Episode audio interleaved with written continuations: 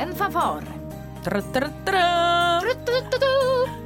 Välkomna till podden Älska din mage och ett jubileumsavsnitt.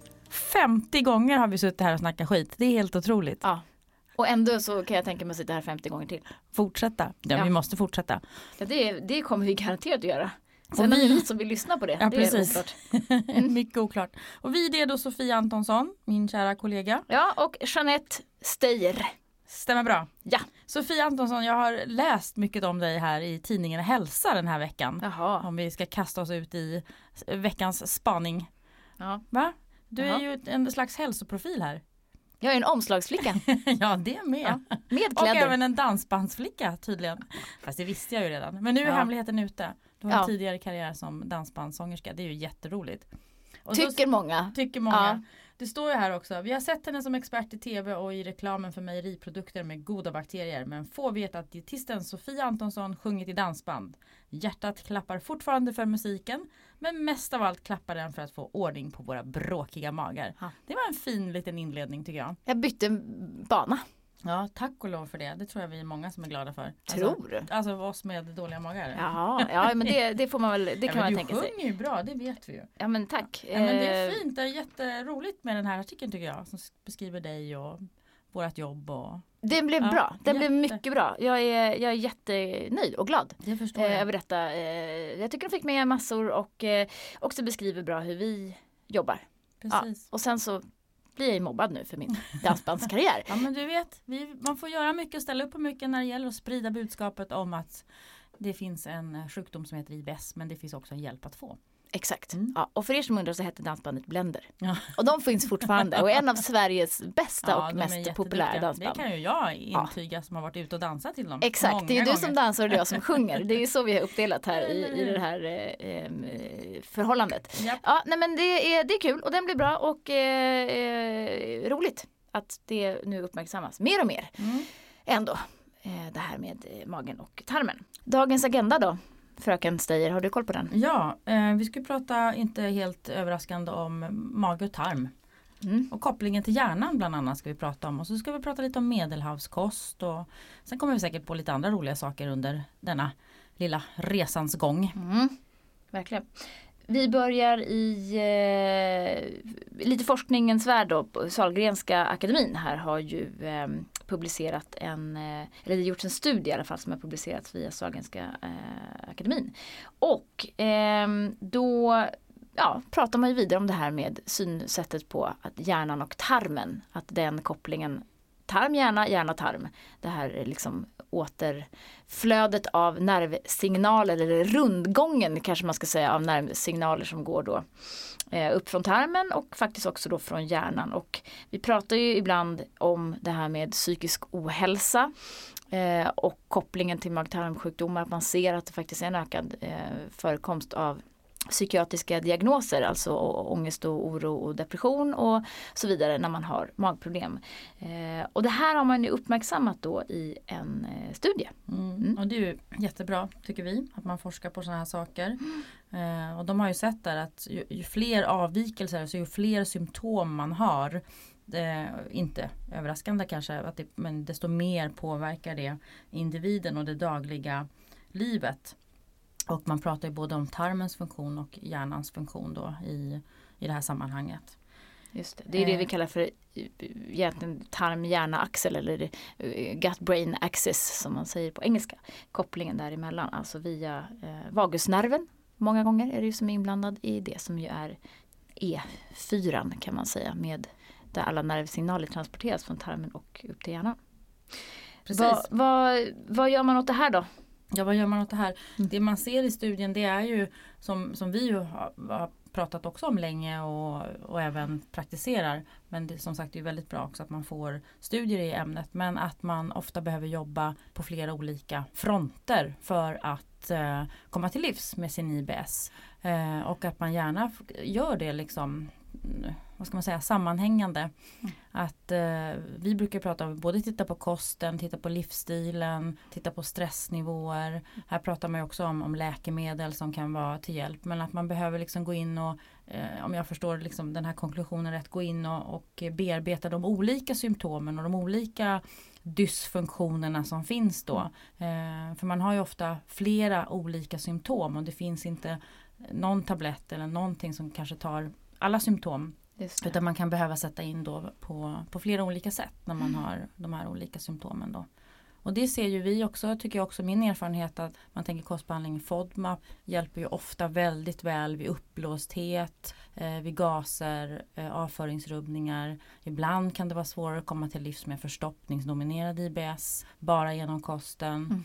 Mm. Eh, har man en hög smärt, eh, mycket smärta så kan det också vara svårt att bara komma till livs genom kosten. Mm. Där kan man behöva koppla in andra saker och det kan ju vara alltifrån att man eh, lär sig att djupandas och, och jobba med liksom smärtnivåerna på olika sätt. Yoga, meditation, mindfulness. Mm. Att acceptera en smärta. Men det kan också vara till vissa läkemedel. Eh, eller också förstås genom kosten ibland när upplåstheten blir mindre så blir smärtan också mindre. Men en del har ju en väldigt hög smärtkomponent som kan vara svår att komma till livs med. Absolut. Eh, och vi började ju ändå får man säga tidigt med det här på liksom, ja, 2008 någonstans där när vi började med IBS-skola på klinik där man då gick igenom kostbehandling men också tidigt började prata om stressfysiologi bara att få förklarat för sig hur stresssystemen fungerar i kroppen. Vad som händer när man går igång på någonting eller eh, ja, hur, hur det liksom kan påverka magen i stort. Eh, och därför pratar man ju nu om att jobba i så här multidisciplinära team.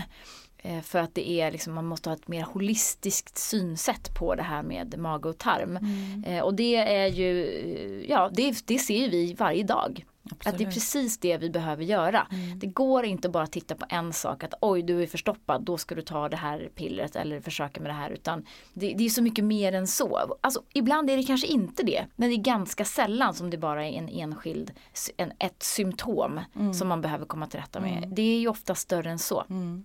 Precis och, men, men, och det är ju också den här eh, hela den här gruppen av funktionella mag-tarmsjukdomar mm. eller störningar mm. eh, som vi pratar om, IBS och, och andra. Det, det ju, finns ju ett sånt stort spektra av det. Vissa har ju bara, om vi ska säga det så, en förstoppning utan att vi vet orsaken till det och, liksom, och kallas då funktionell förstoppning. Ja, Medan andra bara har smärta och inga andra symptom. Så det, det finns ju så många olika eh, liksom, symptom eller vad man ska säga, diagnoser inom det, under det här paraplyt. Eh, men ofta som, som sagt då så är det ju många som har många olika eller flera olika symptom. Och det är väl eh, mycket då som man just att man kan gå in och behandla de olika symptomen på olika sätt. Och mm. Jag tycker vi ser ju också de som oftast blir bättre och lär sig hantera det här och får mildring av symptom. Det är ju just de som går liksom ganska grundligt tillväga. Mm. Till exempel då i programmet Magbalans som vi har. Att man, man börjar med liksom en, en mat och symptomdagbok. Man börjar analysera på hur ens liv ser ut. Mm. Hur och när och var äter jag förstå sådana saker som är ganska basic men som man kanske har glömt bort ibland. Och, eller inte förstår att, oh, gud för min mage är det jätteviktigt att jag äter ungefär var tredje, fjärde timme annars så blir det helt kajko. Mm. Och för min mage är det viktigt att jag äter ganska långsamt och, och tuggar maten. Det, blir, och det är så lite grundråd som man kanske har glömt bort. Verkligen. Och sen också gå vidare och titta på kosten och genomföra kostbehandlingen men också börja mm. titta på det som du är inne på just stressen och hur den påverkar. Mm. Och hur ser det ut i mitt liv och vad kan jag göra åt det? För många blir, för en del kan ju det bli stora liksom, mm. frågor som kommer upp då. Jag märker att jag trivs inte på jobbet eller jag trivs inte i mitt, liksom, i mitt liv eller liksom, jag behöver ändra på saker. Och för andra kanske det är mindre saker som man behöver gå in och peta i. att ja, Jag måste kliva upp tidigare på morgonen så att jag inte får så här stressiga morgnar. Mm. Och, och, så att uh, min mage liksom inte hinner, jag inte hinner gå på toaletten. En sån liten förändring kan ju bli liksom viktig för, för andra då. Absolut och det, det jag tänker bara med den här liksom helhetstänket det är ju ändå att i, i min värld eller i vår värld så känns det ju lite bakfram och till exempel börja med att erbjuda någon en antidepressiv behandling när man har IBS om man inte samtidigt har en klinisk depression. Eller börja med hypnos eller börja med någonting annat i i liksom den änden. Eh, det är klart man kan göra det men de, de flesta tycker ju ändå att kosten är det mest konkreta. och det som är lättast att ta till sig och det som man liksom ska börja med. Och vi vet ju att de flesta får en snabb effekt av kosten och då minskar ju symptomen och då minskar ju stressen lite grann också. Så det är lättare att se vad som är kvar, vad som är stressrelaterat när man har gjort kosten först. Mm. Det är så vi liksom resonerar kring den här behandlingen. Mm, precis, att det är väl mera tänker jag önskvärt och sympatiskt att börja med kost och livsstilsförändringar för att jobba med sin hälsa och, och, och sin problematik än att börja kanske i läkemedelsänden. Eh, mm. Tänker jag också. Men, men när det är sagt så finns det också de som har behov av att få hjälp med läkemedel och antidepressiva som då inte går på, att, eh, på en depression men mera på smärtan då att kan smärtlindra. Men vi tycker absolut kosten och livsstilen först. Absolut, mm. men vi välkomnar studier. Ja, bra. Vi är sponsrade av Oats. Det här fantastiska havrebrödet mm. som nu sprider ut sig här över Sverige. Och det är vi glada för. Att Mycket. fler kan få möjligheten att köpa det. För uppdaterad eh, sån här lista på vilka butiker som har Oats eh, kan ni gå in på vår hemsida och kika. Där lägger vi nämligen upp information om det. Och Oats är ju ett, eh, ett bröd som är gjort på ren havre vilket eh, betyder att det funkar även för den som är, då har celiaki, glutenintolerans och den är ju då låg FODMAP det här brödet och väldigt få ingredienser och det som jag tycker är häftigast då, då det är ju lågsockerhalt. Mm. Mm extremt lite socker. Mm. Och det tycker jag också är sympatiskt för att jag tycker att det är väldigt många svenska bröd som är söta. Mm. Jag har bott i Danmark i många år och där har man liksom, man använder aldrig söta bröd till matbröd. Men till exempel om man kommer och ibland ska köpa en räkmacka någonstans. Då får man det på en tekaka eller något sånt här mm. sötbröd. Då håller jag ju på att gå, då, ja jag köper inte den räkmackan. Men liksom var, var har vi fått det ifrån? Att vi ska ha söta bröd till matbröd? I don't know. Jag ah. åt faktiskt räkmacka igår på Oats. Bra där. Mycket gott Det det. förstår jag. Det tycker jag ni ska gå hem och prova på en gång. Mm. Titta på hemsidan för inköpsställen. Vi är också sponsrade av Husk. Detta eh, kost, eh, självhjälpspreparat kan man säga. Eh, som är då pulveriserat psylliumfröskal. Mm. Mycket effektivt för att normalisera avföringen. Precis, mm. som vi pratade om lite tidigare. Ibland behöver man sätta in på, med olika medel på olika ställen för att bli bättre i magen. Och det här är en produkt som är värd att prova tycker vi. Mm. Både om man är lös i magen eller hård i magen. Som du säger, det normaliserar. Så har man inte testat så rekommenderar vi faktiskt att prova. Ja, och då är det den gröna varianten som funkar bra när man har IBS. Och den blåa varianten kan man ju köra om man inte har IBS till exempel. Mm. Eh, snabb effekt utlovas på detta preparat. Det är mm, ofta effekt inom tre dagar om man inte är en person som är liksom über eh, långsam i magen. Men det är en, en, bra effekt och det är ett bra preparat och framför allt så gillar ju tarmbakterierna de här fiber, eh, det här fibertillskottet. Då tillverkar de nämligen smörsyra av det. Vilket är oerhört eh, nyttigt för tarmen och verkar lite antiinflammatoriskt. Mm. Då vill, det vill man ju. ihop säcken helt och hållet ja. då för dagens ämne. Ja. ja. Vi fortsätter med fler studier. Det här blir mycket studier den här gången. Ja, men det är ju alltid så tacksamt tycker vi när när det kommer fram också studier för, som bekräftar vissa saker som man har tänkt eller trott. För det är, det är ofta så det fungerar inom vården att man måste få saker bekräftade. Mm. Eh, eller många vill ju ha det i alla fall. Ja mm. verkligen och det är ju Jag brukar säga att det är liksom Ingenting är ju eh, klart och eh, godkänt och okej innan vi har fått fram studier på det. Sen kan ju vissa saker vara ganska självklara men vi behöver ändå belägg för det i studier och det är mm. ju härligt och kost och näring är ju tyvärr så att det, det, det forskas ju alldeles för lite mm. på kostens inverkan på kroppen. Mm. Det är ju Tänk, vi kanske skulle kunna lösa väldigt mycket bara genom att äta på ett visst sätt eller äta mm. vissa näringsämnen mm. eller ja, det där vill jag inte ens tänka på vad vi inte vet om, om kosten som vi faktiskt försöker mm. men, så alla stora grejer och kolesterol och blodtrycket och sånt så här, och, eh, saltsyraproduktion och grejer som vi bara regelmässigt bara pumpar ut piller till de här tillstånden som vi ju många gånger skulle kunna kanske, ja i alla fall någorlunda förhindra med, mm. med kostförändringar. Ja, men det vet vi väl ändå med vissa av de där, men man tänker höga blodfetter och högt blodtryck och som ofta hänger ihop med övervikt och fetma. Mm. där är ju liksom livsstil, kost och livsstilsförändring är ju, det är ju medicinen nummer ett A ja. för alla dem. Och kan man då slippa en massa läkemedel så är det fantastiskt. Ja. Men det är också svårt. Det är svårt, det är svårt det är med svårt. vanor. Det är bättre att eh, förebygga. Ja, det, precis. Ja. Och då kan man förebygga genom att äta antiinflammatorisk kost. Exakt. Det har vi fnyst lite åt vi i dietistvärlden tidigare. Man bara ja ja det där är säkert bara något litet hittepå eller något litet mode, en liten modediet. Men faktum är ju att det här blir mer, mer alltså vedertaget och bevisat då att vissa ämnen har man ju sett tidigare då. Gurkmeja och ingefära har man ju pratat mycket om i den antiinflammatoriska kosten. Och det, det är ju liksom enstaka livsmedel. Men nu har man då undersökt mera eh, kring kostmönster. Eh, och i en studie här där man faktiskt då såg att ehm, eh, hela, hela kostmönster som var länkade till en, en minskning av då ett ämne som heter adiponektin. Mm. Det här var tydligen eh, 112 kvinnor i åldrarna 65 till 70 år som Mm. hade deltagit i den här studien. Det är ju en hyfsat stor studie Ja, ändå. ja. Ja, det är från Örebro då. Och eh, då vill man ju ta reda på om, eh, om det här adiponektinet då som ett antiinflammatoriskt ämne som ju finns då i vissa matvaror. Om de skyddar mot eh, eh, Eh, mot sjukdomar och har en dämpande effekt på inflammationen. Så här är de ju ändå inne på det här spåret att vi har den här låggradiga inflammationen i kroppen och den kanske inte alltid upptäcks. Så hur ska man upptäcka den då? Ja det vet vi fortfarande inte. Ja, testmässigt så är det svårt att ta en liksom, test på inflammationsmarkörer i, i kroppen.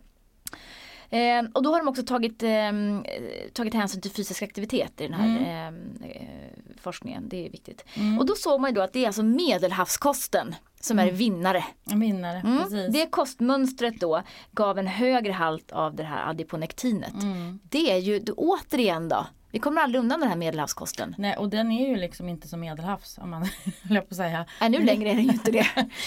Nu är man, det- tyvärr så äter man inte så här med Medelhavet längre. Nej. Det här är ju lite också liksom, de råden som egentligen gäller för eh, från kära Livsmedelsverket, Mm. mycket av det. Mm. Som vi vet att vi borde äta men som många av oss inte äter då. Nej. Och de är ju precis inne på det där att det är viktigt att ändra matvanorna innan man blir sjuk. För det är svårt sen att göra det.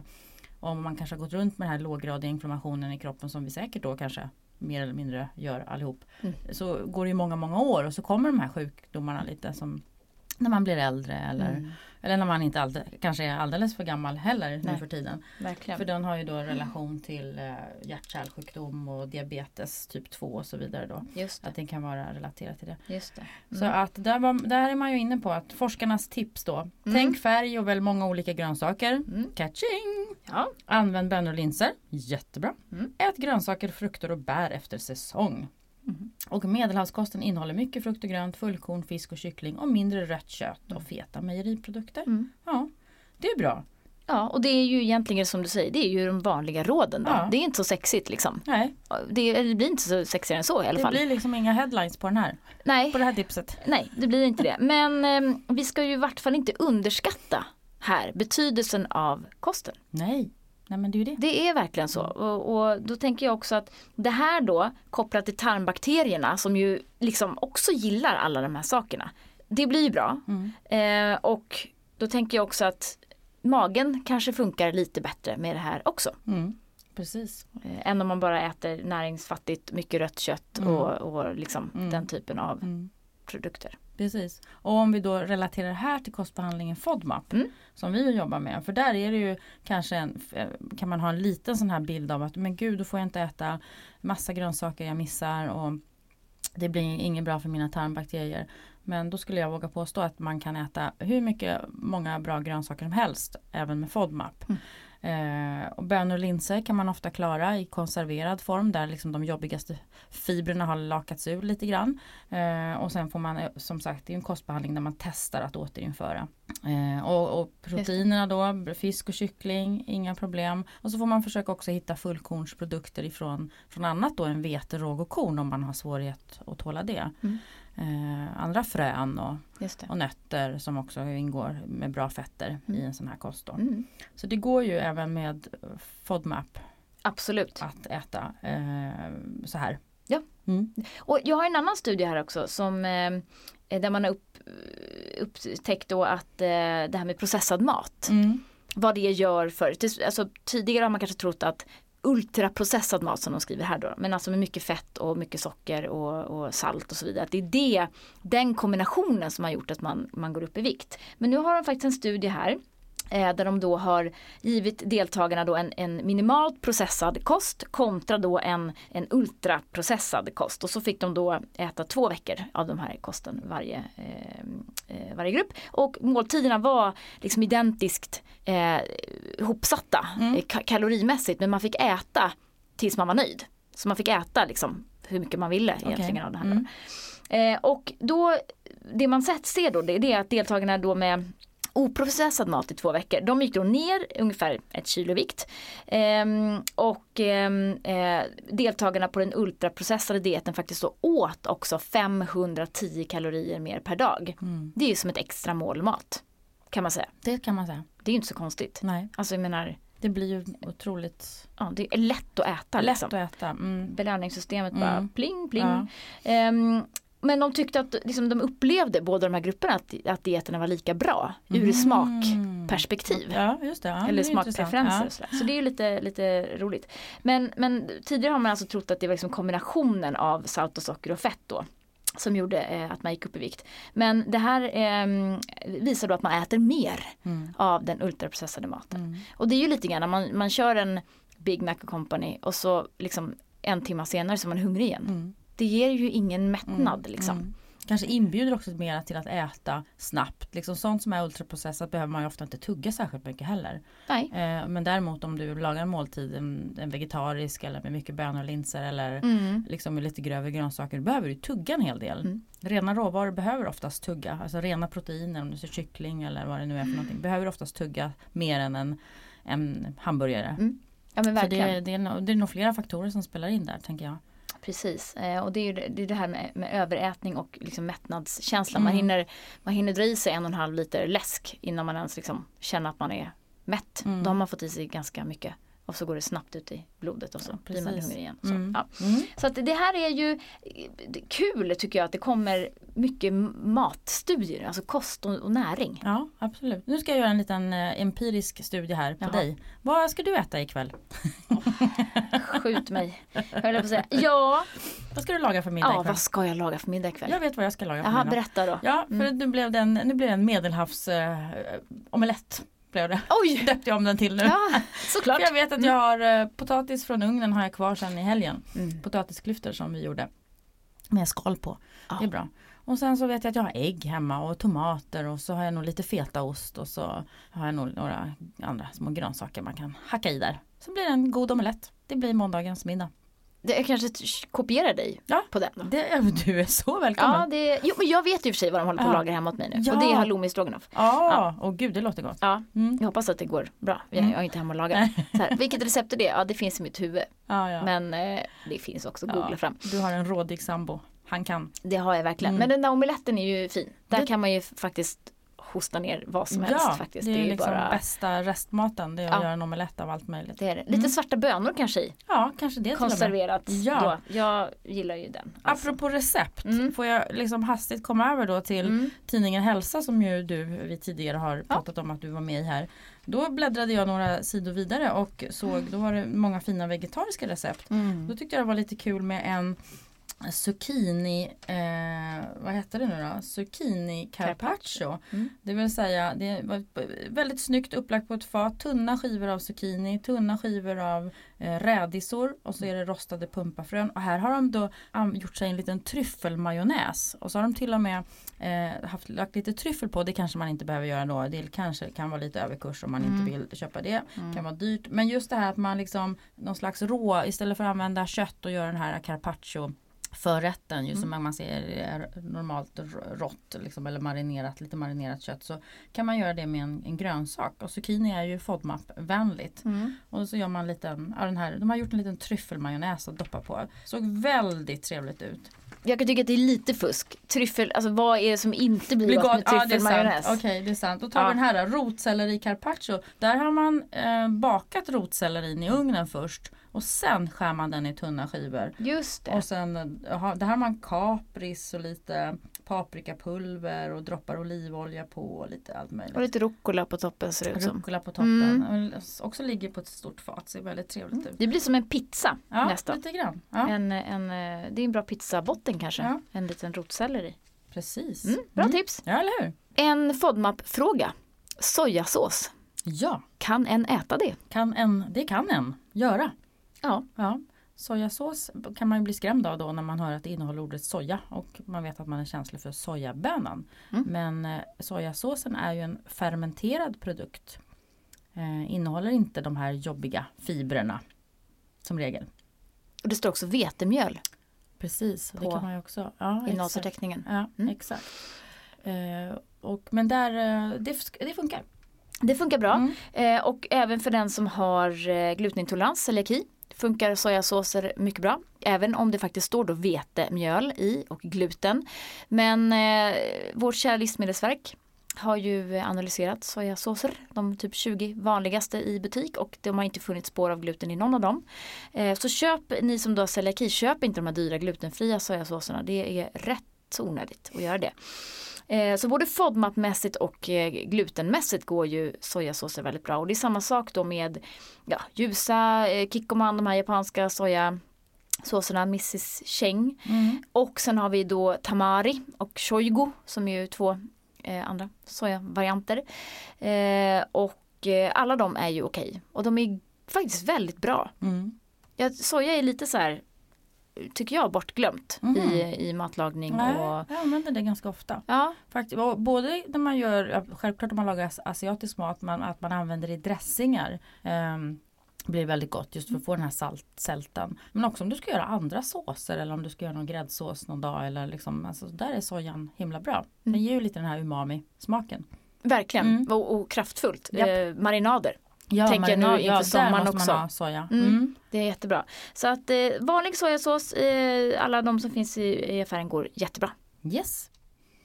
Och med dessa ord så är vi färdiga med avsnitt nummer 50. Nu börjar vi en ny era. Nästa gång blir avsnitt 51. Då pratar vi om bildäck. Nej, vi fortsätter prata bajs tycker jag. Det gör vi sannoliken. Sannerligen. Vi eh, hänvisar er alla då som vill veta mer om vår behandling och programmet Magbalans in på bellybalance.se. Man kan också ladda ner vår app som heter Belly Balance. Och där har vi en fiffig liten funktion som heter en FODMAP-scanner. Man riktar den mot livsmedlets streckkod och sen så blippar det till och så blir det grönt eller orange eller rött. Jättebra. Mm. Men kom ihåg, som vi nu har varit inne på idag, gå programmet Magbalans för att få hela den här bilden med och få hjälpen hela vägen runt. Det holistiska hjälpen. Det är Mm. den vi är ute efter. Det är det verkligen och det hör vi ju faktiskt från våra användare varje dag. Alltså, jag förstod vad ni menade när jag väl gick in och lyssnade på det där programmet. Ja, Det är härligt. gör det. Yes, När man följer våra råd så blir det bra, nämligen. Det vet vi. bra. Tack för nu! Tack för Hej. nu. Hej, hej.